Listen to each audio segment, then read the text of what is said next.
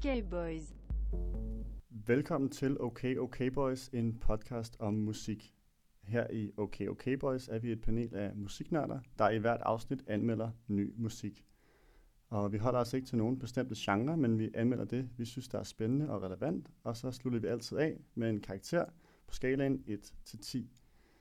Mit navn er Oliver Åbo, og jeg er jeres vært, og øh, med mig i studiet er to øh, kompetente mennesker, der vil kloge sig på musik.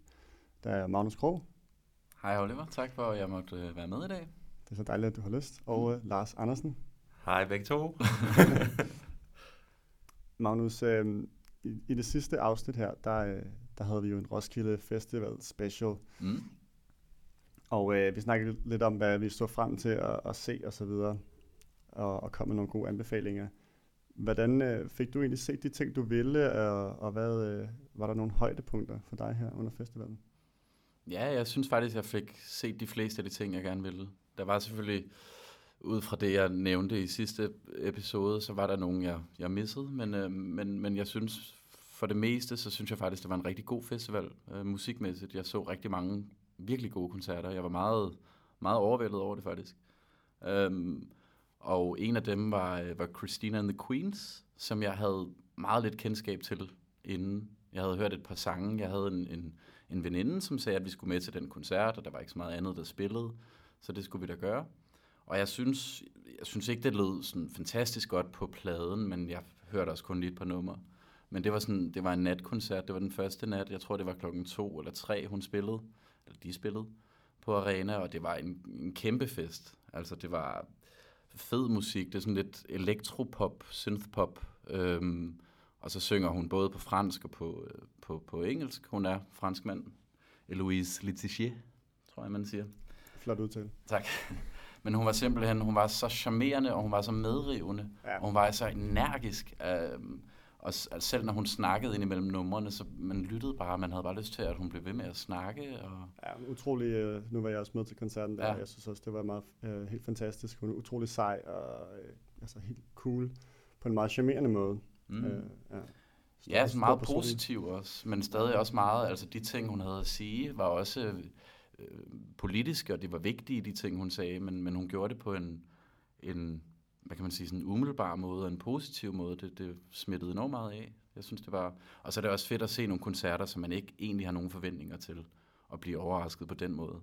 Også i forhold til, når man, når man nørder musik så meget her, så, så jeg plejer i hvert fald at sætte mig ret meget ind i programmerne, hvis jeg skal til en festival, eller altså, ja. Så det var, det var fedt bare at blive taget på sengen og få en god oplevelse. Ja, var det den bedste koncert i år så, eller? Ah, det ved jeg ikke, om det var. Jeg synes også, altså i, i sidste afsnit nævnte jeg det her tyrkiske free jazz band, der hedder Construct. Uh, og det var ud af de tre koncerter, jeg nævnte, som hang lidt sammen, så var det faktisk den eneste af dem, jeg nåede at se. Men det var, det var helt vildt godt, synes jeg. Jeg var jeg er stadig helt i trance over det. Det var sådan virkelig, det var inde på Gloria midt på dagen, og jeg havde fået lukket nogle, øh, nogle mennesker med ind. Jeg tror, vi var en 5-7 stykker, der startede derinde.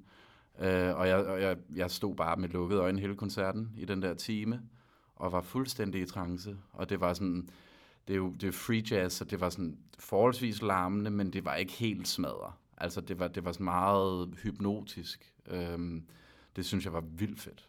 Vildt fedt. To meget forskellige koncerter. To meget forskellige. Ja. Men altså, som sagt, jeg synes, de fleste af de ting, jeg så, og også de fleste af ting, de ting, vi snakkede om sidst, var, var virkelig gode. Godt. Og du fik und- undgået uh, Big Stock, var det ikke dem, du ikke gad at se? Ja, jeg fik undgået Big Stock. Jeg hørte dem en gang på en anden scene eller noget. Det var fuldstændig... Jeg gik i seng, da de spillede. Ja, godt at høre. Ja, det var dejligt.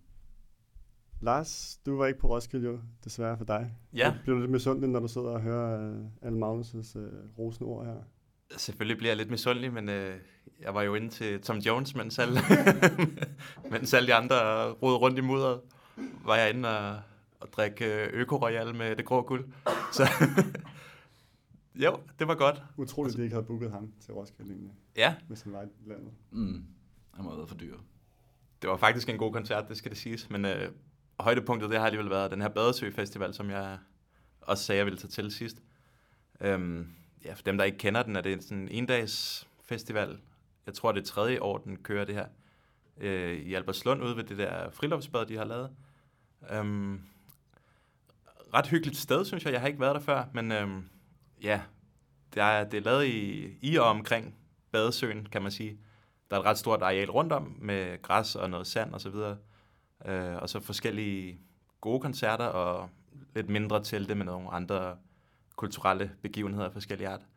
Men altså helt klart med musikken som det alt overskyggende, og som det, jeg fik mest ud af. Hvad så du så derude, eller hvad var der på programmet?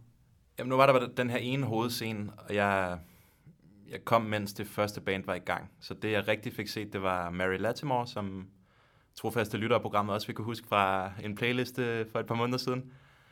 Uh, hun er sådan en amerikansk harpespiller, og uh, ja, hun spiller nogle virkelig, jeg ved ikke, om man kan kalde det minimalistiske. Det er det jo, når der kun er det ene instrument, men hun får rigtig meget lyd ud af det her ene instrument.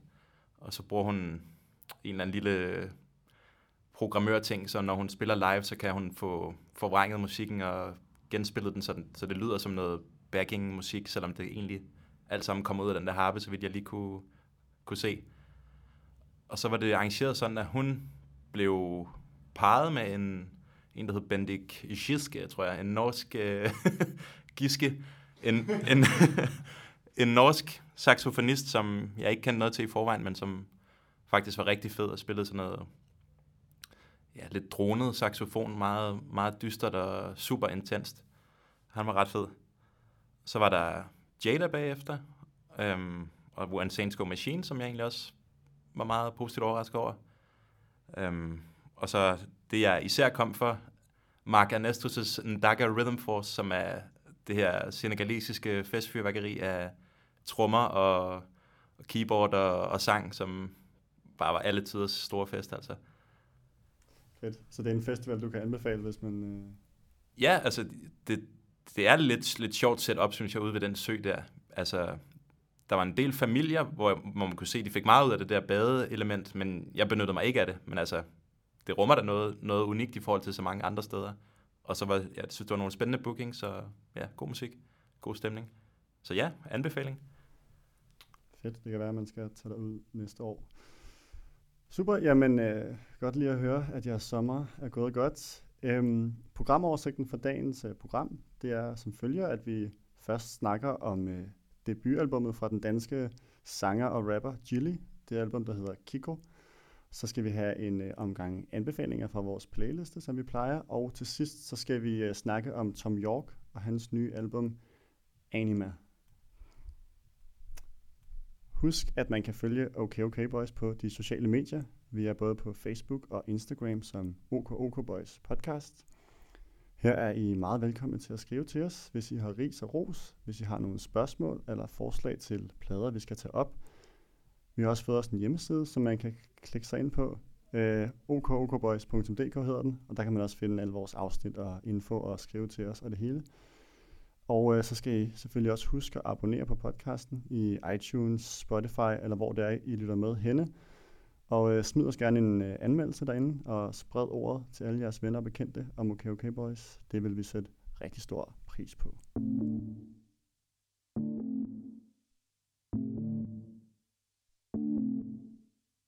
OK okay Boys. Inden vi går videre til uh, den første anmeldelse i dag, så skal vi lige til et, uh, øh, et nyt indslag, som vi lige skal teste af. Og uh, hvis det er godt, så kan det være, at det bliver en, uh, en tilbagevendende ting. Så uh, nu må vi se. Det er et meget simpelt koncept. Uh, lige med så præsenterer jeg jer to for, uh, for en eller anden ting, eller en sætning, en påstand, et eller andet, som har noget med musik at gøre, selvfølgelig. Og så skal I uh, så sige, om det er OK, eller om det er ikke OK. Så det er den helt klassisk, lidt ligesom sådan en, en hot or not, eller en overvurderet eller undervurderet. Øh, det hedder bare OK eller ikke OK her. Forstår I det? Ja. ja. Og I er med på OK. Yes. OK. Okay. Det første, det er, øh, jeg ved ikke, om I har hørt om den her historie med, at øh, Volbeat, de har udelukket øh, sådan kritiske medier fra deres koncerter. Jeg tror, det var Ekstrabladet, de startede med. Øh, så de har bare valgt at sige til de anmelder, de ikke kan lide, at de må ikke komme til deres koncerter. Det har så resulteret i noget backlash og sådan noget. Men hvad vil I sige? Boykot uh, irriterende anmeldere til koncerter. Er det OK eller ikke OK? Nej, det synes jeg ikke er OK. Det synes jeg, der er noget fis at gøre. Man må jo tage det hele med, selvom det er en blandet pose bolcher. Hvad hvis det er sådan irriterende Thomas Treo, der skriver et eller andet øh, grimt om en? Og jeg læste forresten en anmeldelse, han har lavet Chili her tidligere. Den var ret god. Han kan en stjerne. Nej, øh, Thomas Treve skal selvfølgelig også have lov at være der. Jeg tror, de fleste synes, at Thomas Treve er en idiot, men altså, han skal da stadig have lov at være der. Det synes jeg da, helt sikkert. Så det er slet ikke ok. Slet ikke ok. Hvad siger du, Lars? Nej, det er ikke ok, men altså, det er måske heller ikke ok så at være den der type, der absolut skal fokusere på det negative hver gang. Nej, det er måske også lidt trættende. Så kan du spørge ind til Thomas Treve næste gang, så kan vi tage ham. Ja, jeg har ikke skrevet ned. Vi kan godt prøve den. Thomas Treve, ok eller ikke ok? Øhm, nej, jeg, jeg er ikke så enig med Thomas Treve. Jeg synes også, han er, han er sådan lidt smånegativ for det meste. Så nej, ham er jeg ikke så vild med. Han er ikke ok. Hvad siger du, Lars? Thomas Treve, ok eller ikke ok? Han er vel ok. Jeg, har- jeg har ikke læst ret meget af ham i lang tid, tror jeg. Nej. Men uh, ok. Ok, fint. På den anden side, underholdningsværdien er i top, når man læser ham. Det er rigtigt. Ja, Det kan være, at vi skal have ham som gæsteanmelder en dag. det kunne være sjovt.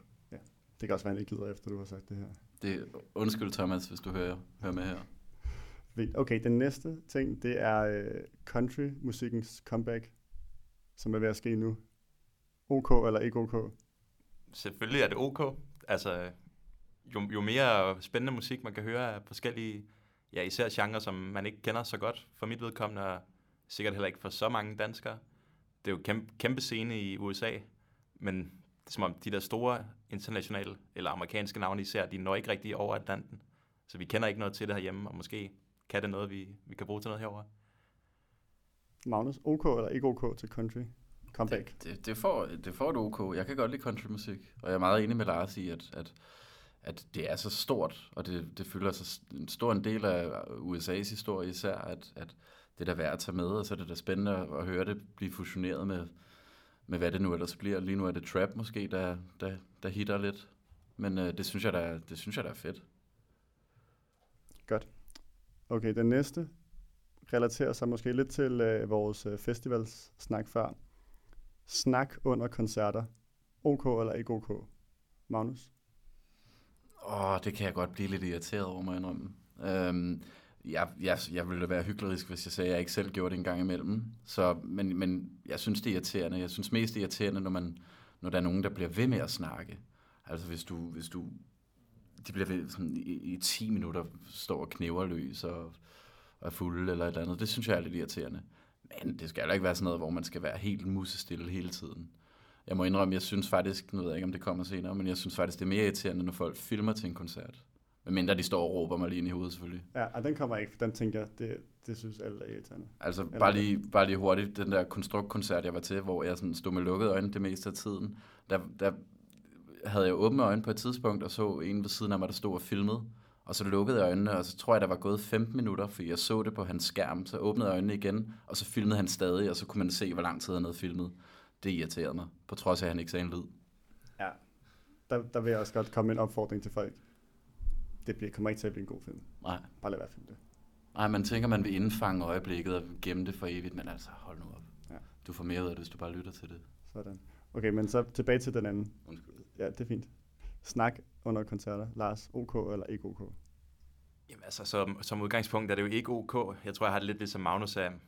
Selvfølgelig lige når det startede, om man lige skal vende en snak, man har haft med den, man har taget afsted med, det kan man jo godt lige, måske lige få afsluttet hurtigt. Men ellers må det da være super irriterende, når man, når man spiller. Og hvis man er kommet for at se en eller anden kunstner, man synes er fed, hvorfor kan man så ikke fokusere, mens det står på? Men altså, der er jo også, især måske her i løbet af sommeren, er der mange sådan nogle måske gratis open air koncerter, hvor man måske mere tager afsted, fordi det er lidt hyggeligt, og det er en dejlig sommerdag, og sådan, man er ikke kommet for at se et specifikt navn, og det måske inviterer, inviterer lidt mere til, at man sidder med en picnickurv, eller en, en enkelt øl, eller hvad det er, så er det mere oplagt at sidde og hygge, snakke lidt og høre det i baggrunden. Så det kommer også lidt an på setupet, synes jeg. Okay, den næste, det er, det er en kunstner eller en personlighed. Uh, Morrissey, OK eller ikke OK? Morrissey i dag. Lars.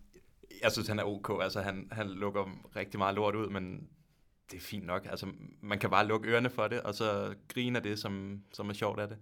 Og så tænke tilbage på, hvor fed The Queen is Dead er. Så. Okay. Hvad siger du, Magnus? Er han OK eller ikke OK?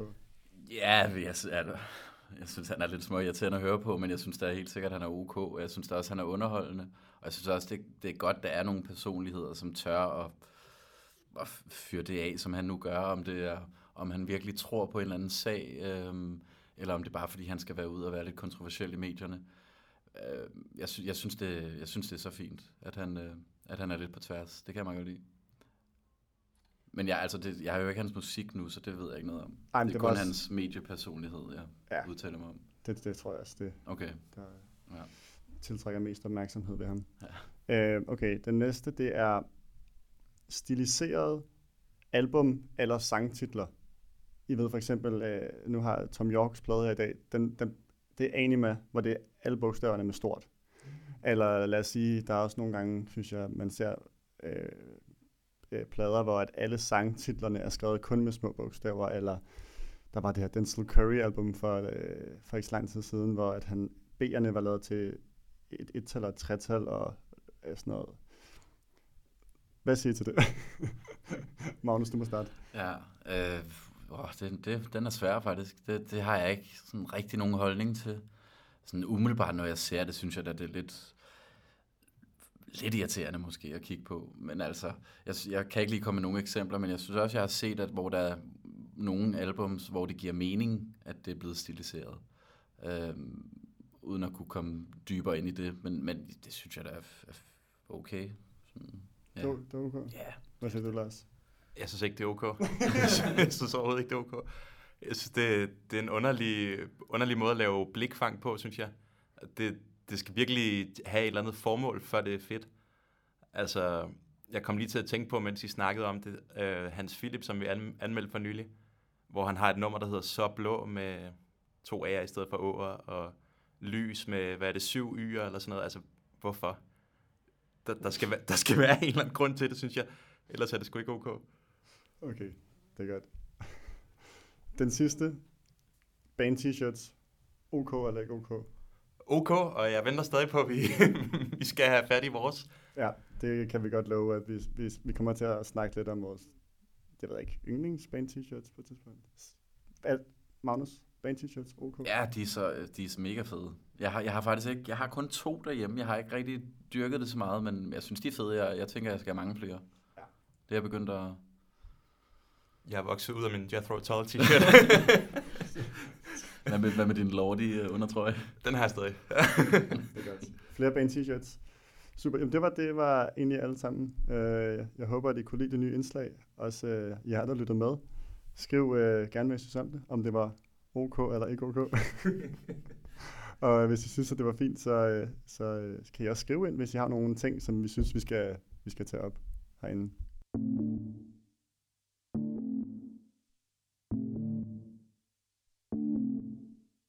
Okay, okay, boys. De vil gerne snakke på deres ting, blære sig belære mig pap på deres ting.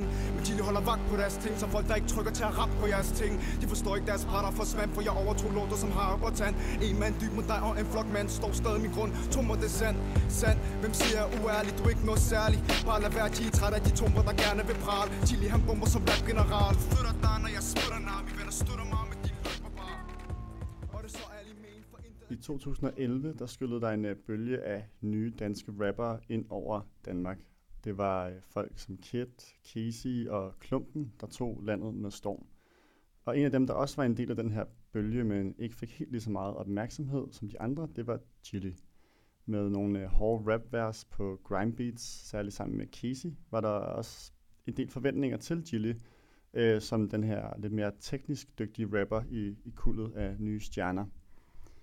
Men han, øh, han endte dog med at gå lidt under radaren i starten, øh, mens nogle af de andre to øh, tog rampelyset. Men det var indtil, at filmen Ægte Vare kom i 2014, hvor øh, Gilly med det borgerlige navn Kieran Kian Rosenberg spiller hovedrollen, og som også har lavet en, øh, en helt fin EP til. Øhm, selvom det, øh, filmen faktisk ikke var det helt store gennembrud, så kom netop gennembruddet øh, året efter, i 2015, hvor han med øh, sangene Odalé og C'est la vie var med til at starte en helt ny bølge i dansk musik. Det var med de her autotunede sang og skråstrej rap, der tager inspiration fra både øh, fransk hiphop og spansk øh, og latinamerikansk musik, og i dag udgør en stor del af de danske hitlister. Siden har han øh, kørt på med hit efter hit, Vi snakker sange som Tidligt Op, Habibi Awa, Rika og senest her Sommerplanen, Vaya Mor. Og øh, nu er hans debutalbum så endelig kommet, og det er nemlig det her Kiko, som vi skal snakke om i dag. Lars, øh, der tilbage i øh, 2011, da alle de her nye kom frem, og man sad og fulgte med på, på YouTube, havde du så regnet med, at det var Gilly, der skulle, måske skulle blive den, øh, den største popstjerne her små 10 år efter? Nej, det havde jeg nok ikke. Men jeg kan godt huske det der med, at man tænkte, at han var måske den, der var mest langtidsholdbar på et eller andet niveau. Eller han var sådan den lidt underspillede, men man fornemmede, at han rummede et eller andet. Men øh, han har også gået en lidt anden bølge, eller en lidt anden øh, boldgade, end han gjorde dengang. Og ja, lavet noget netop meget mere poppet og blevet nærmest popstjerne, som du siger, en af de allerstørste og mest spillede herhjemme. Det Ja. havde jeg nok ikke set komme, nej. Nej, for jeg tænker, altså, man er jo næsten blevet vant til, at han har et hit ude hele tiden, og der, altså hver sommer har der jo været, siden C'est la Vie har der jo været et eller andet Chili sommerhit, og så jeg tænker, kan man ikke kalde ham, altså jeg tænker, at man kan kalde ham Danmarks største popstjerne herhjemme, altså fordi at udover dem, som har, har haft det internationale gennembrud, sådan nogen som Mø og, og Lucas Graham, som måske selvfølgelig har endnu flere plays på Spotify og så videre og så videre, øh, men men er han, kan man kalde ham det? Altså, er det ikke, er det ikke okay? Jo, det, det synes jeg er okay. Altså, han har jo nok ikke helt så bred appel, sådan folkeligt. Altså, det er jo mest til den, til den yngre generation, vil jeg forestille mig, men, men helt klart, der er ikke nogen, der ikke ved, hvem han er, selv hvis de ikke aktivt lytter til ham. Nej. Hvad, øh, Magnus, har du glædet dig til, øh, til debutpladen fra Danmarks største øh, popkunstner så? Nej, ikke, ikke synderligt. Øhm, jeg har aldrig rigtig altså, været sådan en kæmpe stor fan af Chili. Jo, jeg synes, han var meget fed der tilbage i 2011-12, som vi også snakkede om, hvor han, han havde den her... For det første var han virkelig, virkelig fedt flow, han havde, og han var sådan ret hårdkogt i det, og der var noget der. Men, og jeg synes også, han laver gode hits, han laver gode sange, og jeg giver da gerne en sving om, hvis jeg, hvis jeg sætter den på, men, men det er ikke noget, der sådan for alvor tænder mig. Det er, ikke, det er det ikke rigtigt, så jeg har ikke, jeg har ikke glædet mig specielt meget til det her. Nej. Hmm. Men det var også måske meget sigende for ham som kunstner, at selvom i hvert fald i, altså, op til en vis alder, så selvom man ikke lige er til den slags musik, så kommer der en af de her hits på Rika, eller hvad det nu er, så, så kan man godt danse til det, og man kan også godt synge med, og man gider også godt en gang imellem. Ja. Øhm, spørgsmålet er så her, han har jo været den her single-kunstner, og der har været de her rigtig mange hits, øh, udover den her ene EP, som jeg snakkede om, som var et soundtrack, som måske var lidt øh, før, altså bare før gennembruddet. Hvordan har springet så været til et album, Lars? Ja, altså, ja, jeg, jeg synes, man kan sige det på tide. Altså, det er vel nu, han skal teste sig selv af og se, om, om han formår at begå sig i det format. Men øh, jeg synes desværre, nu, nu ved vi jo netop, hvor, meget, hvor mange forskellige stilarter han har bevæget sig under, og hvor meget, meget forskellige arter musik han formår at lave. Så synes jeg desværre, at det bliver lidt for ensporet den her gang. Altså, ja, nummerne de minder, de minder for meget om hinanden, synes jeg, til det kan blive ved med at blive spændende på det her forholdsvis lange album. Det føles i hvert fald lidt langt at komme igennem, synes jeg desværre. Hvad siger du, Magnus? Altså, havde, jeg tænker, man kunne have forventet eller håbet på en, altså et album, der var, var fyldt med hits, fordi man ved, at han kan det. Man kunne også forvente, at han måske ville prøve at, at lave et album, hvor der var en eller anden en rød tråd, eller en, en gennemgående lyd, eller et eller andet. Er han lykkedes med det ene eller det andet, synes du? Nej, det, det er faktisk rigtig fint, du siger det på den der måde, for det er han netop ikke, synes jeg. Fordi at ja, enten så, det kunne have været meget fedt med, et- med, med 15 øh, bangers, øhm, men, men jeg synes også, han lagde lidt op til, nu ved jeg godt, albumet kom sådan rimelig meget ud af det blå, men jeg synes, i de interviews, han har givet omkring det, synes jeg, han lægger lidt op til, at det er lidt en ny side, vi skal se fra ham, og han har kaldt det Kiko, som er hans, det navn, han helst vil kaldes, så, så det lægger måske op til, at, at det bliver lidt mere personligt, eller som du siger, bliver et mere albumagtigt. Øh, og det han har også sagt, at det ikke bliver en hitparade, det her. Øh, men jeg synes mere, det er en hitparade, end det er en, et, en, personlig, øh, en personlig album om ham. Jeg synes ikke rigtigt, det har noget kød på sig. Jeg synes ikke, det har specielt meget på hjerte. Og jeg synes slet ikke, der er nok hits til at kunne bære 48 minutter.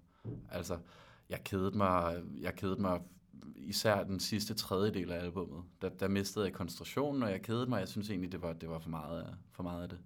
Så jeg synes ikke rigtigt, han, han, han kommer i mål med nogle af de to ting. Kan, men vil du så sige, hvis man skulle tage, om det var det ene eller det andet af de her to ting, vi stillede op, af, af mulige måder at lave et album på for Gilly, øh, har han så prøvet måske at lave det her lidt mere albumagtige format, hvor at der er en, altså er der en gennemgående lyd på, så vil du, altså, Ja, er det det, der gør det kedeligt, tænker jeg måske, at det er det samme? For det var det, det du... Nej, men jeg synes til. lidt, det, det er todelt. Det er måske flere del, men lad os sige, at, at på den ene side har han de her, øh, de her trap-inspirerede numre, som oftest er ballader. Trap-ballader, lad os kalde dem det. Og den anden del, det er den her latino-inspirerede del, som enten kommer måske fra Karibien, eller fra Spanien, eller Frankrig, eller Brasilien, Portugal, som vi også hører meget her. Hvor han ligesom har nogle lidt lækre rytmer, og det er sådan lidt mere sommermusik, det er lidt mere dansemusik måske og hvor de her ballader, hvor han er lidt mere nede på jorden og, og mere ærlig i gåseøjne. Øhm, så, så jeg synes ikke, som, altså jo, det minder meget om hinanden. Man kan sige, alle de trap-ballader, han har lavet, synes jeg minder om hinanden, og det minder om alle de andre trap-numre, som man hører rundt omkring. Og det samme gør sig gældende for hans øh, latino-inspirerede del, fordi den er jo også, det er jo også en stor trend i, i, i det store udland, at der er rigtig mange, der, der spiller reggaeton, eller, eller hvad vi nu kalder de her forskellige genrer, som, som er opblomstret blomstret inden for de seneste par år. Øhm, så jeg, jeg synes ikke, han, øhm, jeg synes ikke, han kommer med noget nyt. Og det, det er egentlig det, jeg savner mest ved ham. Det, altså, han har da, ja, der er en 4-5 gode numre på den her plade, men, men jeg savner, han, han prøver at komme lidt ud over sig selv og prøve noget andet måske, eller ikke noget helt andet, men i hvert fald udfordre sig selv, som han jo også har proklameret, han ville. Det, det savner jeg. Ja. Altså, er du enig i den kritik af, af albummet? Lars? Ja, altså jeg, jeg, jeg vil måske godt give ham lidt mere ros for at forny, end, end Magnus vil. Altså i hvert fald i en dansk kontekst. Selvfølgelig har han lånt det nogle andre steder fra. Det siger jo sig selv, når det netop er ja, latinsk meget af det. Det er jo ikke noget, han bare lige har, har trukket op af hatten. Det har han jo ja, hørt i det store udland og, så, og bragt til Danmark. Så på den måde er det ikke så, som sådan så originalt, men jeg synes, han, han skal have ros for at spotte de her trends, og så bringe dem til Danmark og trods alt sætte sit eget præg på dem i et eller andet omfang og, og blande dem med det her, vi kender ham lidt for. Altså den her stadig lidt, lidt hårdere attitude og ja, nogle af de her referencer, som man har ham med tilbage fra, fra helt tidligt i sin karriere. Så han er sådan genkendelig som kunstner, selvom han fornyer sig temmelig meget, på lydsiden i hvert fald. Øh, ja, hvad sagde du mere, Magnus? Øh, yes. Ja. Det vil jeg også bare gerne lige sige. Det, altså, det anerkender jeg. Alt det, du siger, det, det er jeg faktisk enig med dig i. For han er jo enormt god til at spotte de her trends, og hvad kan man sige, oversætte det lidt til dansk, ikke? så vi også får, får lidt af det. Så det, altså, det giver jeg dig ret i. Det, det skal han da også have kredit for. Det skal han da. Men kan man ikke se, altså, jeg vil give jer ret i, at det måske ikke er så nyt, som man kunne have håbet på, eller hvad man kan sige. Men, men for ham, som den her kunstner, han trods alt er blevet, der har sat de her trends og sat dem i gang og gjort dem store og blevet ved med at bygge på på en eller anden måde. Øhm, en eller anden form for manifestation af ham som den her, øh, kan man sige, øh, øh, ja, den store kunstner inden for den her genre, som har været de sidste fem år, eller hvor meget det nu er. Så at det måske er et mere tilbageskuende album, eller hvordan, i forhold til at samle op på alt det, han har, har, har lavet, og så vise det et album. Forstår I, hvad jeg mener? At det, Ja, ja, men ja, ja, det forstår jeg godt, men jeg synes ikke, paletten er så bred. Jeg synes ikke, det har ret meget at gøre med for eksempel fissehul, som du nævner, ægte varer, det her lidt grime-agtige spor, de kom frem med. Øh, selvfølgelig, hvis vi går tilbage til for eksempel Tel Aviv, så kan man jo stadig godt trække trådet tilbage dertil, og så se det her som en eller anden, måske ikke nødvendigvis kulmination på, hvad det kunne blive til, det vil jeg ikke sige, at det er, men det er måske mere en, ja, en hidtidig, en hidtidig kulmination på, Gilly har været i den her smeltedeal og fået de her inspirationskilder, og i dag er han her som en følge af alt det, han har lavet tidligere. Sådan kan man måske se det. Men jeg synes ikke, det er sådan, han, at han er nået dertil, hvor han skal være nej, nødvendigvis. og det er måske heller ikke noget, som man behøver de her øh, 48 minutter og 16 numre til. Nej, nej. Altså, jeg, jeg synes, han skulle have skåret de måske fem dårligste numre fra, og så havde albumet stået meget stærkere, fordi så havde der været mere at huske, og mere at hæfte sig ved, og flere fede hits, som jeg synes, det er det, han, det, er det, han kan lave. Jeg synes, når han, han laver de her lidt mere sjæleagtige numre, jeg synes, de, de lyder ikke godt, og de, ja, de, de er så flade i beskrivelserne, at det gør heller ikke rigtig noget for ens følelsesliv.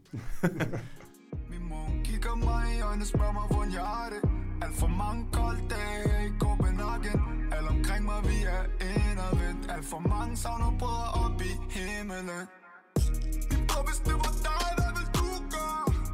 Verden kører rundt, det som en spurdør Min bror, hvis det var dig, hvad vil du gøre? For bror, man, vi var født i en verden, hvor der ingen udvej Alt hvad vi har gjort er fordi Hvad? Ja, hvad kommer Nej, jeg er helt meget enig i det, du siger. Altså, han, han vil så gerne være en eller anden form for gadepoet, men det er bare ikke det, han er bedst til. Han er bedst til at, at lave nogle læk- lækre rytmer og få alle os, især os, alle os hvide mennesker, til at føle os lidt sejere, end vi egentlig er, når vi går ned ad gaden. Men hvad er det, altså, hvad er det for nogle, okay, hvad er det for nogle numre så, som er de her bundskraber, hvor at det, det bliver lidt ligegyldigt? Er der nogen, kan I komme med et eksempel på, hvor det går skidt for sig? Ja, altså jeg, jeg vil næsten sige, jo mere stille og inderligt det, det bliver, jo dårligere er det. Så for eksempel det nummer, der hedder Langt Væk, altså hvor, hvor han opsummerer sit følelsesliv på, at, som at hans følelser, de, de er langt, langt væk. Altså det er et ret banalt billedsprog, og det, det beskriver jo ikke rigtig noget, at dine følelser er langt væk. Okay, du er følelseskold, men er det ikke mere spændende at så sætte ord på de her negative følelser, som så nødvendigvis må være der? Du er ikke bare apatisk, du har det jo dårligt til synligheden, ikke? I hvert fald lige på det her nummer, så, så prøv da at beskrive det på en lidt mere original måde, i stedet for at distancere dig fra det på den her måde, og så lave ja, lidt kedelig lydside til. Ja. Så Du siger, Magnus, han, eller var det der, der sagde, at han ikke bliver den her gadepoet, han, han gerne vil være? Ja, ja det sagde jeg. Øhm, ja, men jeg er enig. Jeg synes også, det er de, de, de mere stille numre, hvor han hvor det bliver lidt kedeligt og lidt forglemmeligt, og det er også som regel dem, der har et, altså det helt samme næsten trap beat under sig. Mm. Øhm, og det er, jo, det er jo næsten halvdelen af numrene. Øhm, jeg har ikke lige udpeget nogen, som jeg sådan... Altså den, der hedder Dag 1, synes jeg er, ganske forglemmelig. Øh, principperne med Benny James, synes jeg heller ikke er specielt god. Ingenting at sige. Den med noget er, er heller ikke særlig god. Noget, synes jeg også er en virkelig dårlig feature. En af dem, der er med på, ikke? Øhm, så altså, jeg synes, jeg synes, det bliver mest interessant, når han, som sagt, enten kører de her lidt lækre øh, rytmer, eller når han har, jeg synes faktisk, Branko gør det ganske glimrende som feature øh, kunstner på de her på de numre, han er med på.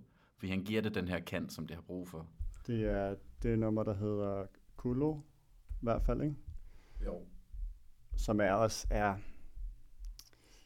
Det er jo også en af de her lidt jeg tror, det er sådan et bejlefunk, brasiliansk, i hvert fald sydamerikansk inspireret musik, som er, er, det er jo festmusik. Lidt i stil med den der Vejamor, som, som jo var sommerhittet her. Øh, og det, men det er der på de, de numre, hvor han gør det bedst, eller hvad? Ja, det synes jeg helt, helt klart. Altså, det er jo det er uomtvisteligt sommerhit død i Danmark, Vejamor. Sådan er det bare, synes jeg. Det, man kan lide det lege, men det, det, det er fandme et hit, uden tvivl. Og, og der overgiver jeg mig. Altså, det, det er fandme effektivt, og det, det er et skide godt hit. Øhm, hvis jeg skal nævne et nummer, hvor jeg synes, han måske lykkes med at, at blende noget lidt sådan, lidt inderligt med noget god lyd og noget sådan pondus, så er det faktisk åbneren løgn. Der synes jeg, han, ja, den starter sådan lidt stille ud, og han, ja, det er jo en tale til dels dem, der ikke har troet på ham, og dem, der ja, snakker dårligt om ham, og et tema, som går meget igen, det der med dem, som nu gerne vil malke hans succes, men ikke har været med fra start af. Og så bliver beatet sådan intensiveret mod slutningen, og det bliver ret hårdt og ret fedt, og sådan, det er nok det mest sådan gadeagtige nummer, samtidig med, at der er lidt mere indhold at hæfte sig ved, synes jeg. Og uden at det kommer helt over i det her latiner øh, trip, som der kommer senere. Jeg er rørende enig i, i, i det. Jeg synes også, øh, løgn er, er klart det der hovedpunkterne. Eller, ja. Øhm, også, jeg synes, det han gør med sin stemme her, det er jeg ret vild med, fordi at, øh, jeg kan umiddelbart bedst lide ham, når han, han må godt synge lidt, men jeg kan bedst lide ham, når han rapper, fordi han har et helt fantastisk flow. Men i løgn, der bruger han sin stemme på en lidt anden måde. Han, han lyder sådan, der er sådan en desperation i hans stemme, der er sådan en, en øh, han virker forpint, og han skriger lidt mere, og sådan, det minder mig lidt om Jamaica. Jeg synes forresten, der er flere ting, der minder mig lidt om Jamaicas debutplade, som vi snakkede om tidligere på året. Øhm, men det synes jeg fungerer vildt godt her, fordi du får ligesom noget følelse ud af ham, samtidig med, at det er, det er også er, som Lars siger, en af de bedre tekster, fordi at man kan sige, det her det er jo åbneren, hvor han snakker om det her med, at, at ja, at han, hvad, hvad kan man sige, han, han giver et skud ud til de gamle, som har holdt med ham hele tiden, og alle de her nye mennesker, som kommer ind, fordi han måske har fået penge og sådan noget, dem gider han ikke. Men det synger han jo om på næsten hver eneste sang på den her plade. Øh, og det bliver virkelig trættende i længden, men det er som om, han rammer den på kornet på den her sang, synes jeg. Okay, jamen øh, skal vi så ikke øh, give en, øh, eller I skal give en karakter til, øh, til Gillis album Kiko. Øh, Lars, vil du starte? Ja, øhm, ja. Jeg synes, det er en, en skam, at der er for mange svipser i forhold til hits. Omvendt ved jeg ikke, om, om det vil passe til et album, at det var total kæmpe energiudladning, nummer for nummer. Så jeg synes, han skal have noget ros for at have forsøgt at afbalancere det, men så synes jeg, han skulle have gjort det mere på lydsiden også. Fordi, ja, selvom der er hits, og så der er mere intense numre og lidt mere stille numre, så synes jeg alligevel, de spiller meget op af det her latinsk-amerikanske eller trap-inspireret noget. Altså, der, der er lidt få facetter at spille på, synes jeg desværre. Og så synes jeg, at han gentager sig selv for meget, både i tematik, men simpelthen også enkelte ord. Altså, jeg savner noget mere, øh, noget mere varians i, hvad han siger, ord for ord og tematisk. Altså, jeg ved ikke, hvor mange gange man hører Dudu og Mami og Adam og Dag 1 og Skies. Altså, man, man tænker, kom nu, altså, sig noget, noget nyt, ikke? Så ja, desværre, det, det bliver sådan lidt, lidt lunken for mig, selvom der er nogle kæmpe store højdepunkter. Så tror jeg, jeg ender på et femtal. Er det også lunken for dig, Magnus? Ja, det er det. Det er det. Øh, igen, jeg er meget enig i, hvad du siger, Lars. Øh, jeg, synes, jeg synes, der er så mange elementer, som bliver forstyrrende for mig. Jeg synes for det første, at det er alt, alt for langt. Øh, og jeg synes, der er for, mange, for meget ligegyldigt øh, fedt med på det her album, som lyder som hinanden, og i sidste ende gør det, gør det det svært for ham. Og jeg synes, det er for, for, for upersonligt på en måde. Jeg synes også, der er, jeg synes, det er irriterende, at der er så mange effekter på hans stemme. Jeg synes, altså, der, der, der kommer hele tiden sådan en, en, en barriere mellem mig og ham, synes jeg. Og det, jeg savner lidt at komme lidt mere ind på livet af ham. Og hvis jeg ikke gør det, så savner jeg at, at komme ud af, ud af sofaen og rykke med stængerne, når jeg hører det, og det gør jeg heller ikke rigtigt. Så jeg ligger lidt i det her lunkne mellempunkt, hvor jeg ikke rigtig bryder mig om at være. Så jeg har valgt at give ham øh, fire stjerner for hver af de fire gode sange, han er med på albumet. Okay. Fint. Jamen, øh, en 4 og en 5'er til Gillis Kiko.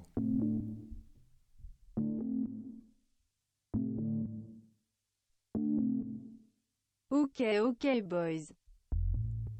Nu skal vi til øh, anbefalingerne fra vores playliste, og øh, her vælger vi inden hvert afsnit 10 numre hver, som vi gerne vil anbefale. Det kan både være noget nyt og noget gammelt, og så tilføjer vi det til vores playliste. Og den her playlist, den kan I finde inde på Spotify. Den hedder Okay Okay Boys playlisten. Øhm, og her i podcasten tager vi så nogle af de numre øh, op, som vi har valgt hver især, og, og fortæller lidt om dem. Og øh, Lars, vil du ikke starte med at fortælle om, hvad du har valgt til playlisten i den, i den her omgang? Jo, jeg vil jo tage nogle, nogle nedslagspunkter her med det første, som, som jeg vil sige har været årets sommerhit for mig. Jeg tænkte, det var meget sjovt at tage, tage det med på listen, hvis man sådan skulle opsummere lidt nu, hvor sommeren går på held. Øhm, jeg ved ikke, om det nødvendigvis har været det mest populære nummer i løbet af sommeren, men det har været et af de store hits, som, som jeg virkelig også har faldet for. Og det er Medusa og Good Boys, Piece of Your Heart.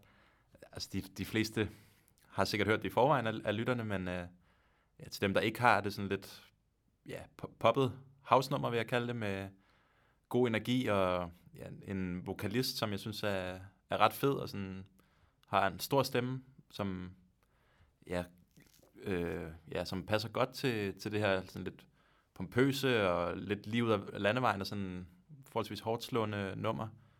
Og det, ja, det, det er god sommervibe, så det, det passer til mange af de der fede sommersituationer. En god køretur, eller grillparty, eller hvad, end du kan forestille dig at lave om sommeren.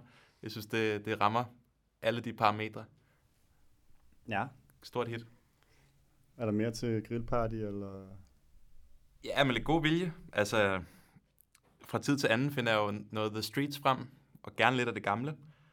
Um, så har jeg taget et nummer fra en EP, han lavede mellem Original Pirate Material og A Grand Don't Come For Free, som hedder All Got Our Run-Ins. Og det er jo, altså, ja, The Streets, som han var tidligt i sin karriere, sådan flabet, sjov og grime-agtig, og med sådan nogle, ja, hårdslående og trommepræget præget beats. Det er rigtig sjovt det her, hvor han snakker om at være sådan en, ja, hustler-type, og ja, rigtig sjovt, rigtig sjovt nummer, feel good nummer på den der The Streets måde, som folk nok også godt kender. Det sidste, det er Durant Jones and the Indications, med et nummer, der hedder Morning in America, som er sådan et, øh, et nyere soulband, som jeg faldt over for nylig, som øh, jeg synes virker sådan meget autentisk. Der er jo lidt også måske sådan neo-soul-bølge nogle steder, hvor det måske er en enkelt vokalist med forskellige producer, eller i hvert fald en producer, der står lidt i baggrunden.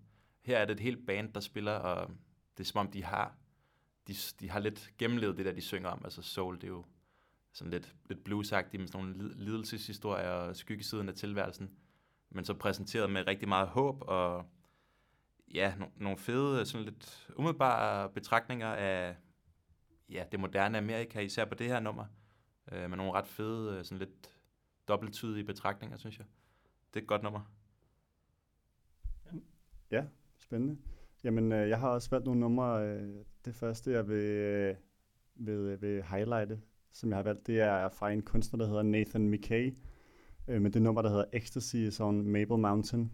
Og øh, det er en kanadisk elektronisk musiker, ham her, Nathan McKay, som har lavet, øh, det er det første album, han har lavet under det her navn i hvert fald, som lige er kommet her i år. Det hedder Blue Spring, og øh, jeg har det ret vildt over det her album for tiden. Det er, det er sådan lidt svært at placere genremæssigt, men øhm, det har nogle trance-elementer og nogle techno-elementer, men, men det samtidig er det skruet ret meget ned i tempo på det meste af pladen. Så det er ikke så voldsomt, det er ikke så hurtigt, så det gør også, at det bliver ret øh, filmisk, egentlig vil jeg sige. Øhm, og det, det her nummer øh, er, er også sådan, som meget af pladen er. Øhm, så jeg vil anbefale det her nummer, men jeg vil også anbefale at høre, høre hele pladen, hvor at den bygger op på den her meget filmiske måde, og så et af de sidste numre på pladen er en, et hårdt og, hårdt og vildt teknonummer, hvor det er rimelig meget.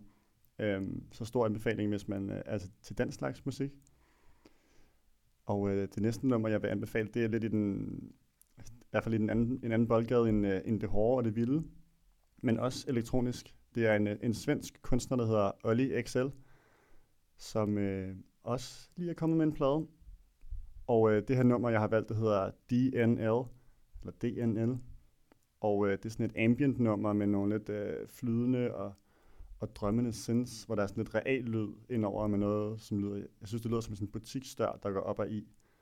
Og, øh, og så er der sådan meget højt i mixet, der er sådan en blyant, der tegner. Øh, det, lyder, det lyder sådan, det er meget stille og roligt, øh, som det jo er ambient, men så i det her soundscape, så kommer der en gang med sådan en stemme, der siger, boring, lame, kan gøre det også ret sjovt. um, så det synes jeg også var meget fedt, altså et, et, et sjovt ambient nummer, det er, det er sjældent, man har det. Um, så også en anbefaling, både til nummer, men også til pladen, som jeg lige har glemt, hvad hedder, men uh, tjek den ud også, den er lige kommet. Og øh, det sidste nummer, jeg vil hive frem, det er en, en, ikke en amerikansk, men en australsk fyr, der hedder Alex Cameron, som har, øh, har en plade på vej, og der er kommet et par singler for, den, uh, for det album. Han lavede et virkelig godt album tilbage i, uh, i 2017, som jeg ved, du også var rigtig vild med, Magnus. Mm. Uh, og uh, så jeg glæder mig rigtig meget til det næste her, der kommer den 13. september. Det er musik. Nej. Nå, undskyld. Det er I morgen, I morgen er det om præcis en måned. øhm, ja, men det, det musik, han laver, det er sådan, det er et pop-rock, ofte med nogle synths, lidt 80'er-agtigt, og øh, det han gør rigtig godt, det er, at han læner sig op af noget, som måske er lidt corny, eller i hvert fald kan blive det, men måske lige præcis ikke bliver det, og samtidig er det så catchy, at det gør noget.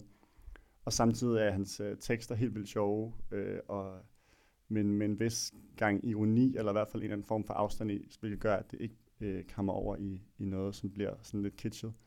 Øhm, nummeret hedder Divorce. Øh, den anden single, der er kommet, er også god, men Divorce er helt klart den, der minder mest om det album, han lavede i 2017. Så det er også det, jeg håber på, at øh, vi får lov til at høre masser af øh, her på den kommende plade, der ikke kommer i, i morgen, men, men snart. Beklager. Det er i orden. Magnus, kan du ikke fortsætte med nogle øh, gode anbefalinger? Jo, øhm, så vil jeg også gerne snakke om en australsk fyr, som øh, både har, har arbejdet sammen med, med Alex Cameron, øhm, både på, på, på Alex' tidligere plade, men også, øh, han hedder Kieran J. Callanan, skal jeg lige huske at nævne. Øh, også på hans seneste plade fra 2017. Også en af de bedste plader for det år, vil jeg sige, der hedder Bravado. Og det, og det var jo sådan en, en ekstravagant blanding af pop, rock og eurotrance, og det var sådan meget voldsomt og endnu mere, øh, hvad kan man sige, med en ironisk distance, end Alex Cameron måske har, hvor du sådan virkelig spørger dig selv om, er det for sjovt det her, eller er det ikke? Ikke at det i virkeligheden betyder så meget for lytteoplevelsen, synes jeg. Øhm, han har så lavet et øh, nyt album i år, som er den diametrale modsætning til det, han lavede for et par år siden, som er et næsten udelukkende et coveralbum, som hedder Return to Center. Øhm, og jeg har valgt et nummer, der hedder Vienna, som nogen måske kender fra Ultravox's udgave fra 80'erne. Øhm, og, og, og, og det han gør så sindssygt godt på det, den her plade, fordi i tænker man måske en coverplade, det er sådan lidt, det ved jeg ikke rigtigt. Men han har jo ligesom valgt udelukkende 80'er øh, synthpop, new wave øh, sange, men ikke de allerstørste hits. Altså han har valgt, sådan, hvad kan man sige, de, de glemte sange lidt fra, fra det år 10, og så har han valgt nogle sange, som, som gør albummet til en meget mere personlig oplevelse, end jeg har hørt om før. Altså det tegner virkelig sådan et billede af ham. Og så den her, øh, altså jeg synes, de fleste numre på pladen er virkelig gode, men især den her Vienna, som afslutter, som egentlig er forholdsvis tro mod øh, Ultravox's øh, udgave, men alligevel, den har lige fået en tak op på, øh, på vokalpræstationen, og altså til tider lyder han næsten som sådan David Bowie, lød lidt på Black Star, bare med lidt mere kraftig stemme. Jeg synes, han, jeg synes det er et vildt fedt nummer, et rigtig godt album. Så kæmpe anbefaling til, til ham, Kieran J. Callanan. Øhm, og så har jeg godt gammelt italiensk nummer med os. Jeg har været sådan lidt her over sommeren, og også tidligere været sådan lidt i en italiensk humør, hvor jeg sådan har dagdrømmer lidt ned til Italien og skrive en bog dernede og drikke noget vin og spise noget pasta og sådan noget. Og så tænkte jeg, at så skulle jeg have en, øh, en spilleliste, når nu jeg laver italiensk mad derhjemme. Så jeg har siddet og lavet en italiensk spilleliste. Og så kom jeg i tanke om en, øh, en sang, og for dem, der måske voksede op i 60'erne, de kan måske genkende den her sang. Fordi det var vinderen af Vores Eurovision. målgruppe. Hvad siger du? det er vores primære målgruppe. Men Det tænker jeg da, det er. Det er derfor, jeg har taget med. Ja. Uh, nej, den, det er Eurovision-vinderen fra 1964. Uh, kunstneren hedder, med forbehold for, at jeg udtaler det forkert, Gigliola Cinquetti, med et nummer, der hedder Nonno l'età. Og, uh, og det er sådan, ja, jeg har sådan en forkærlighed for de her numre, som er ekstremt patosfyldte, og som med den der store stemme, og sådan dramatisk musik, stryger, sådan rigtig pompøst. Og det er den her også, den her sang. Men samtidig har den en enorm inderlighed. Jeg synes, det er en virkelig smuk sang. Jeg får kuldegysninger at høre den. Jeg skal også se videoen, hvor hun står, den lille, lille pige næsten af det. Hun er jo meget, ikke særlig gammel, da hun synger der på scenen i Eurovision. Det er altså, det skal man, det skal man tjekke ud. Og sidst, men ikke mindst, så vil jeg da gerne lige fejre et øh, jubilæum, der kommer snart. Nu har vi konstateret, at jeg allerede er i september, så jeg troede jo, det var den her måned. Men altså, øh, den øh, 26. september fylder måske verdens bedste album 50 år. Og det er jo Abbey Road af The Beatles, som jeg holder meget, meget af. Så jeg tænkte da lige, at vi skulle have, have et Beatles-nummer med her. Det har vi ikke rigtig haft endnu. Og jeg har valgt uh, I Want You, She's So Heavy, som er John Lennons uh, odyssé ind i bluesrocken. Um, fantastisk nummer, fantastisk album. De fleste har jo nok hørt det før. Men, uh, Er det noget med, at det nummer var det sidste, de optog sammen? Ja, det er fuldstændig rigtigt. Det aller, aller sidste nummer. Det er også meget godt valgt. Ja, Så. ja det synes jeg også. Tak. Ja, men det var, øh, det var de anbefalinger, eller det var i hvert fald øh, højdepunkterne, eller noget, vi vil hæve frem af de anbefalinger, vi har lagt ind. I kan finde alle numrene inde på vores Spotify-playlist, som sagt. Okay Okay Boys playlisten ind og følg den, og lyt til den, om du skal lave øh, italiensk mad, eller om det er grill, grillfest. Der er hun bare lidt, lidt af det hele.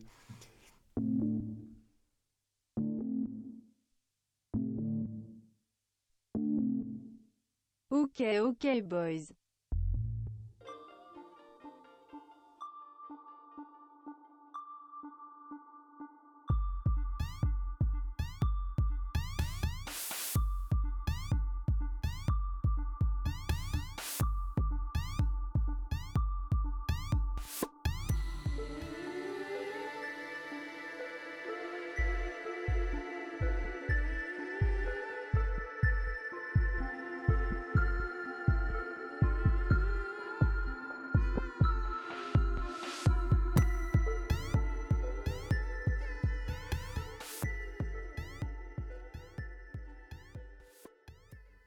Dagens anden plade er det nyeste udspil fra Tom York, der nok er bedst kendt som frontmand i Radiohead, men også øh, er en del af projektet Adams for Peace, og øh, så har han også udgivet en række soloalbums, hvor det her er det nyeste i rækken Anima. Øhm, det er det tredje i rækken, hvis man fraregner øh, sidste års soundtrack til filmen øh, Suspiria. Som, øh, som soloartist har Tom York primært bevæget sig inden for sådan elektronisk øh, musik og, og lidt mere glitchet pop.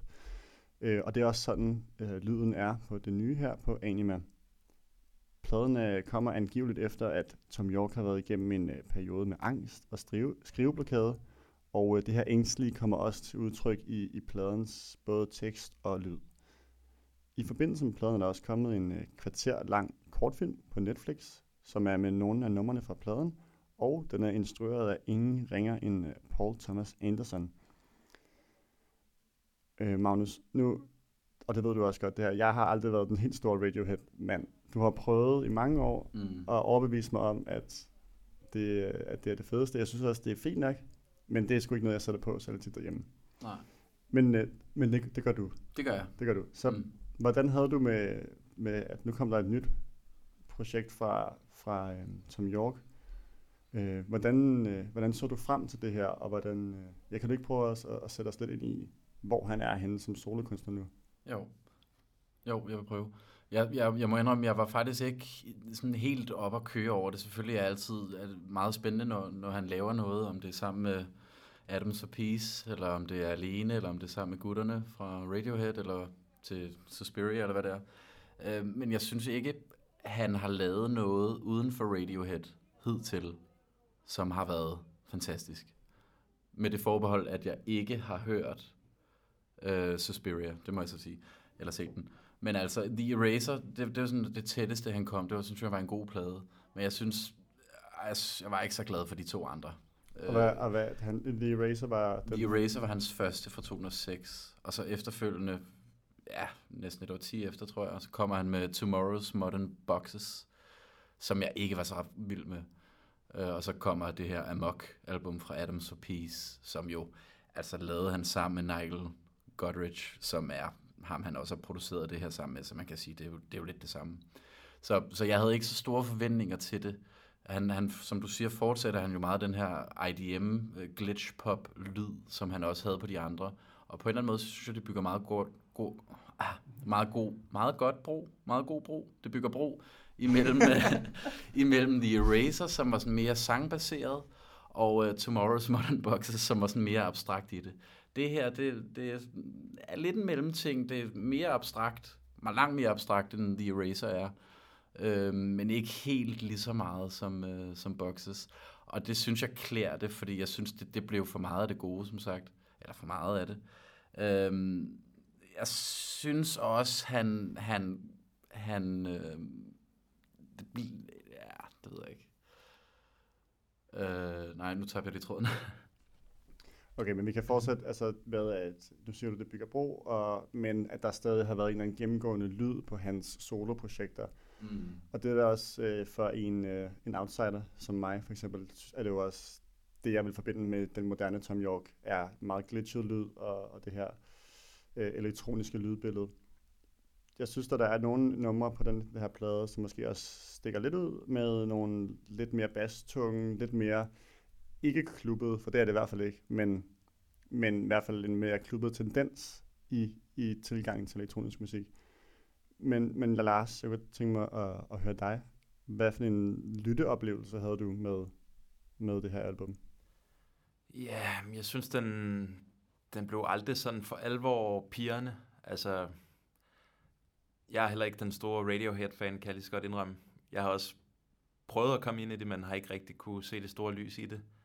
Øhm, men det her læner sig lidt mere op af noget, som jeg normalt vil kunne lide. Altså netop noget elektronisk med en god basgang og noget, ja, sådan mere eller mindre repetitivt.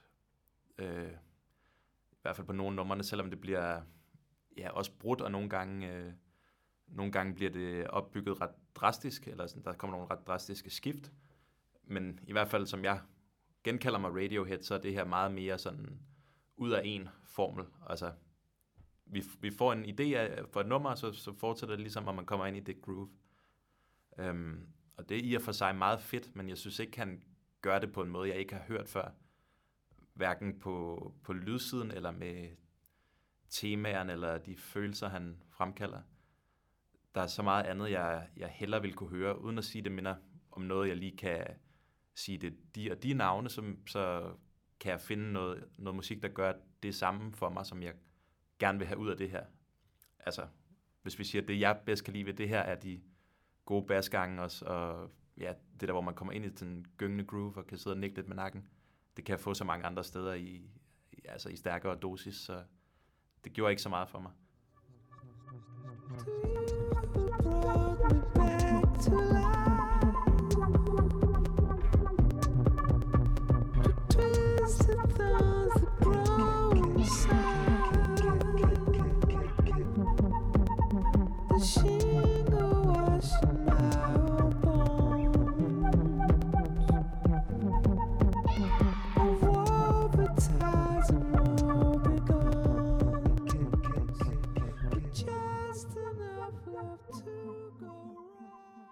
Nej, hvad med dig, Magnus? Altså, jeg tænker,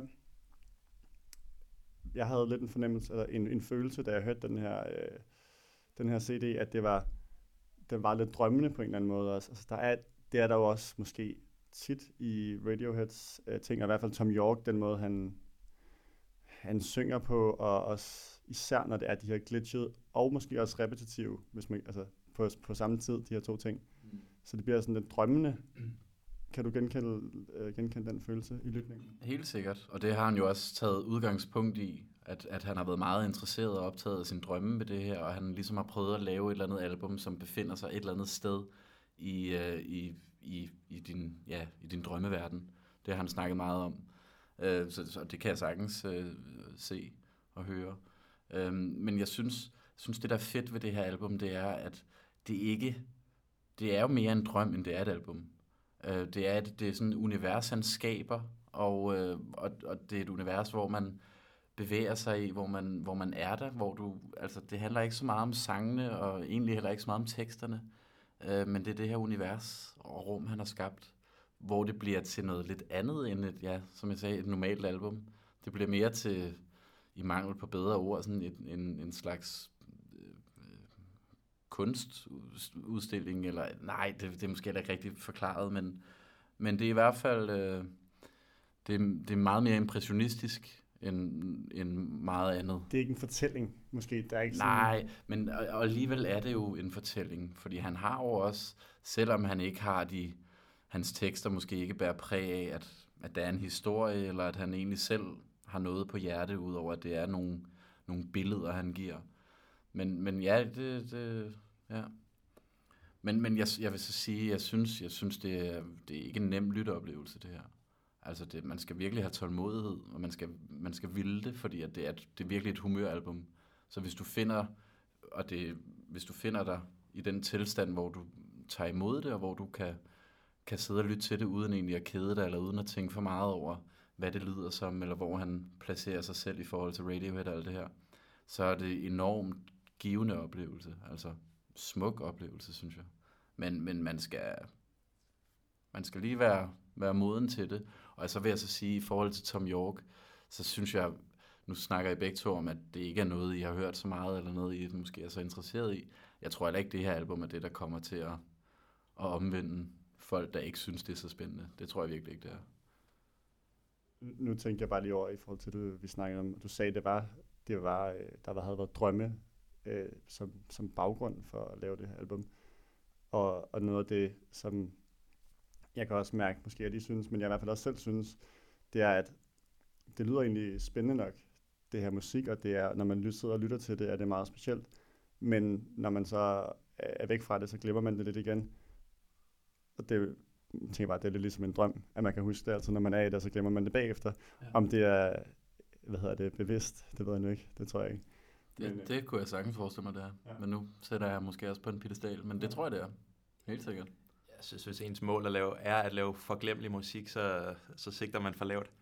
Men jeg synes i hvert fald, der er klart alt for få nedslagspunkter. Og det er jo mere eller mindre det, I også siger. Måske med nogle lidt, lidt andre vendinger, men altså... Jeg synes ikke, der er, hvis jeg kigger ned over tracklisten og læser titlerne, så, så kan jeg nærmest ikke genkalde mig, når ja, det er sådan, det der nummer lyder. Jeg kan godt huske nogle brudstykker hister herfra og genkalde mig dem. Jeg kan ikke huske, om det er fra det nummer eller det nummer. Øh, og ja, jeg synes også, teksterne er for svage, og jeg synes ikke, jeg synes ikke musikken er særlig kompleks. Jeg ved ikke, om det var det, du mente, Magnus, da du sagde, at, at, det er sådan, at man skal engagere sig i det, og man skal have de forskellige dimensioner med og sådan noget. Så selvfølgelig er der noget om det, men jeg synes ikke, at øh, det er sådan, at man sidder og opdager flere og flere nuancer, jo mere man lytter. Jeg synes, det er ret minimalistisk. Ikke, der er noget galt med det, men jeg, jeg synes ikke, han, han gør noget unikt her overhovedet. Øh, og så er der de her tekster, hvis, hvis jeg skal læse lidt af det op. Altså, jeg kan ikke se sammenhæng i det linje fra linje. Ikke at man nødvendigvis skal det, men så, så skal det være lidt mere sådan spraglende eller spændende billedsprog, synes jeg, hvis det bare skal være ja, udsagn eller betragtninger. Eller jeg savner lidt, at han følger sådan et tema til dørs. Hvis vi for eksempel har den, der hedder Traffic, ellers et meget, meget godt nummer på lydsiden, men ja, en, ja, lad mig læse lidt op, så kan, kan vi høre, hvad I, I synes, men jeg synes, det er ja, lidt, lidt gakket tekst, altså. Submit, submerged, nobody, nobody. It's not good, it's not right. A mirror, a sponge, but you're free. Show me the money, party with a rich zombie. Altså, hvis, hvis jeg gad, kunne jeg nok godt lave en analyse af det her, men jeg synes, det er for, for fragmenteret og for intetsigende. Det er ikke fængende billedsprog, synes jeg. Nej, det er måske lidt det. Altså, jeg må indrømme også, at jeg, jeg prøvede lige lidt at gå ned, ned i teksterne, men det, det er jo ikke, lidt, det er ikke det, der tager fat i en med det her album.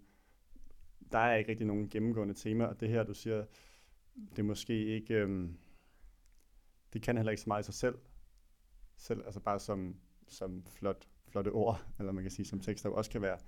Øhm, men jeg ved ikke, altså ser du, ja, er du enig, Magnus, i den kritik af det, det? Ja, det er jeg lidt, eller det er jeg, for jeg synes heller ikke, jeg synes langt fra, at det er hans bedste lyriske præstation på det her album.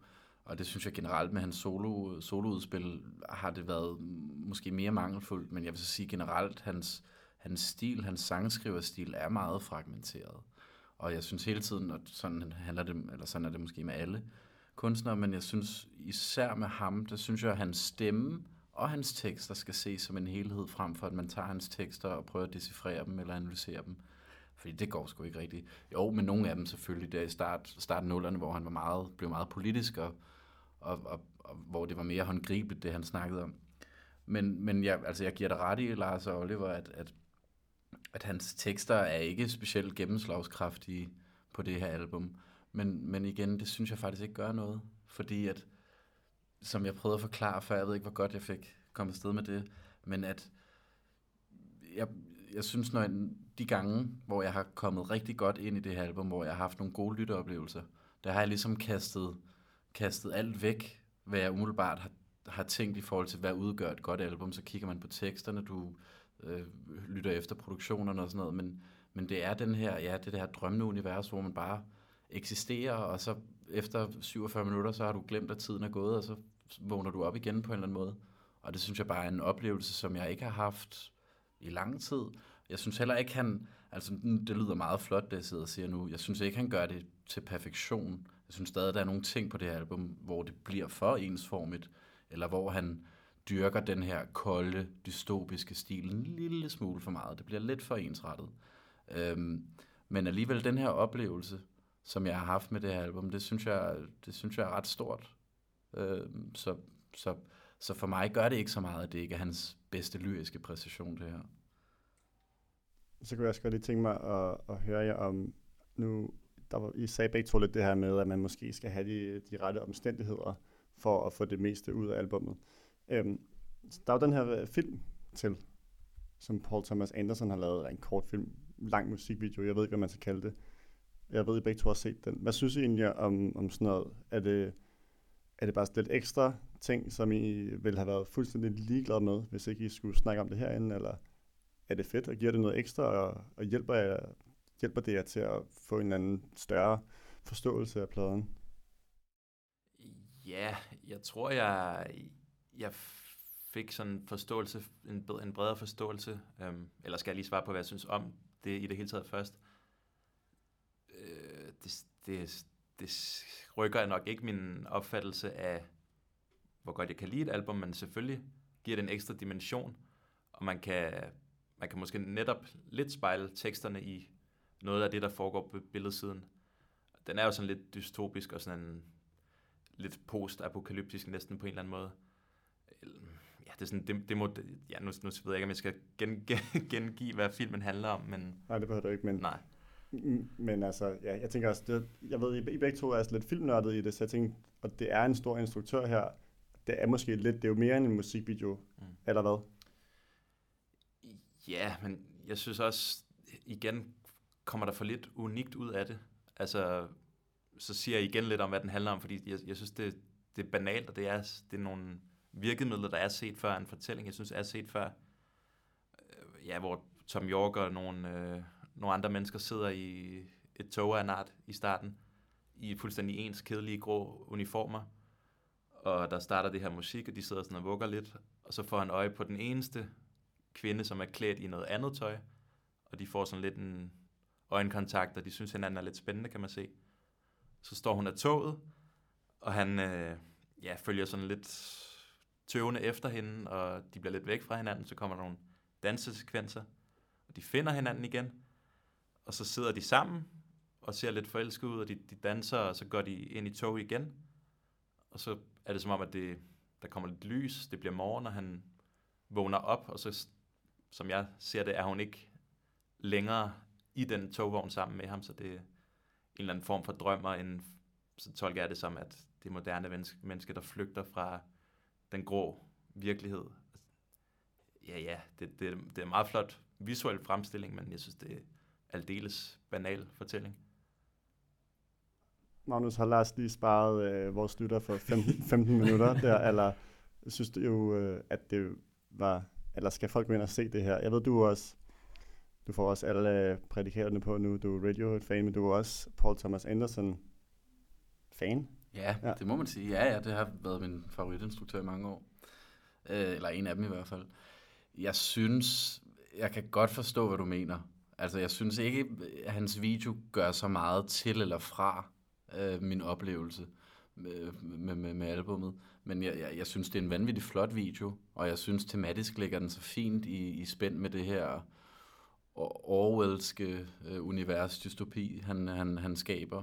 Øhm, men som jeg nævnte før, så, så synes jeg, at den gode albumoplevelse, jeg havde, det, det, det, altså, der hjælper videoen ikke som sådan på det. Jeg synes, det, det er fint at se, ligesom en normal musikvideo. Han har jo lavet flere musikvideoer for, for Tom York og for Radiohead også. Øh, ja, altså, ja, jeg synes ikke, den gør så meget til eller fra, men den er flot, den er flot. Og der er nogle rigtig flotte koreografier med, der er nogle flotte danse med, og og det er en, det er en meget sød lille historie. Okay. Ja, det lyder ikke som, det er noget, der kommer til at indgå i jeres karakter. Nej, så. nej. Men, men lad os så høre, hvad I giver den. Magnus, vil du starte? Uh, ja, det kan du tro, jeg vil.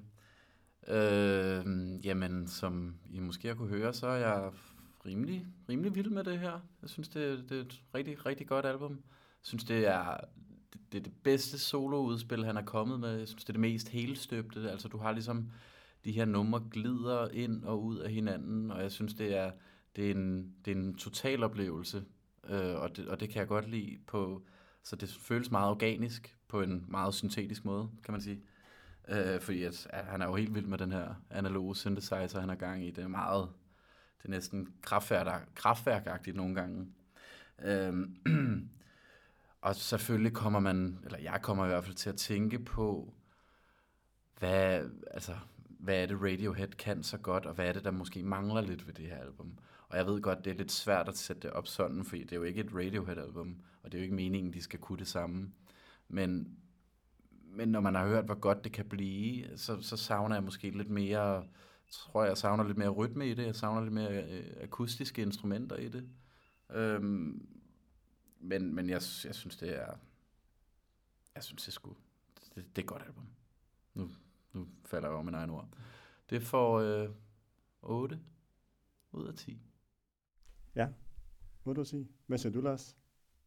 Jamen, jeg er ikke nær så positivt stemt, fordi, ja, som jeg har været inde på, jeg, jeg synes, det som jeg gerne vil have ud af det, det er selvfølgelig også min egen holdning, der skinner igennem.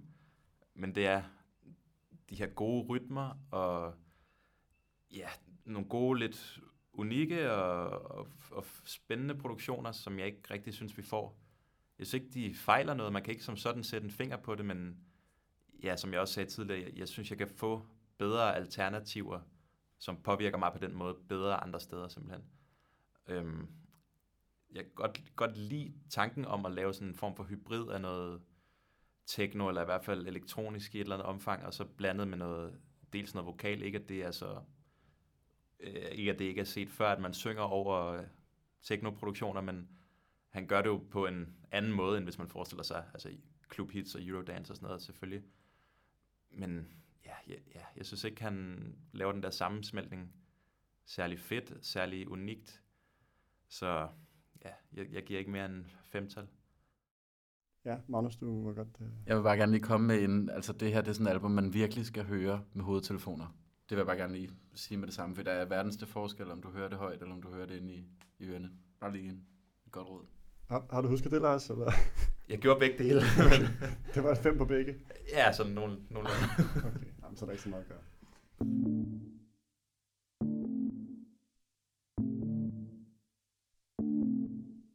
Okay, okay, boys. Det var alt, vi havde for den her gang. Tak til øh, Lars og Magnus, fordi I vil øh, være med endnu en gang. Selv tak. Selv det tak. var en fornøjelse. Yep. Det er godt. Og tak til alle jer, der lyttede med derude. Øh, vi sætter stor pris, at der er så mange, der gerne vil lytte med. Øh, og husk selvfølgelig, som jeg sagde tidligere, følg os på de sociale medier, på Facebook og Instagram, som OK OK Boys Podcast. Vi øh, lægger alle mulige sjove ting op derinde og giver gode anbefalinger.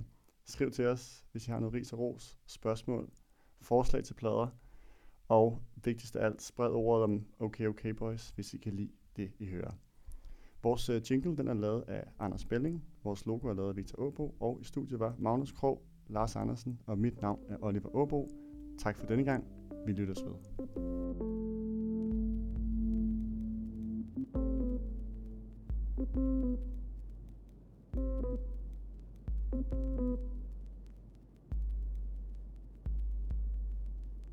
Okay, okay, boys.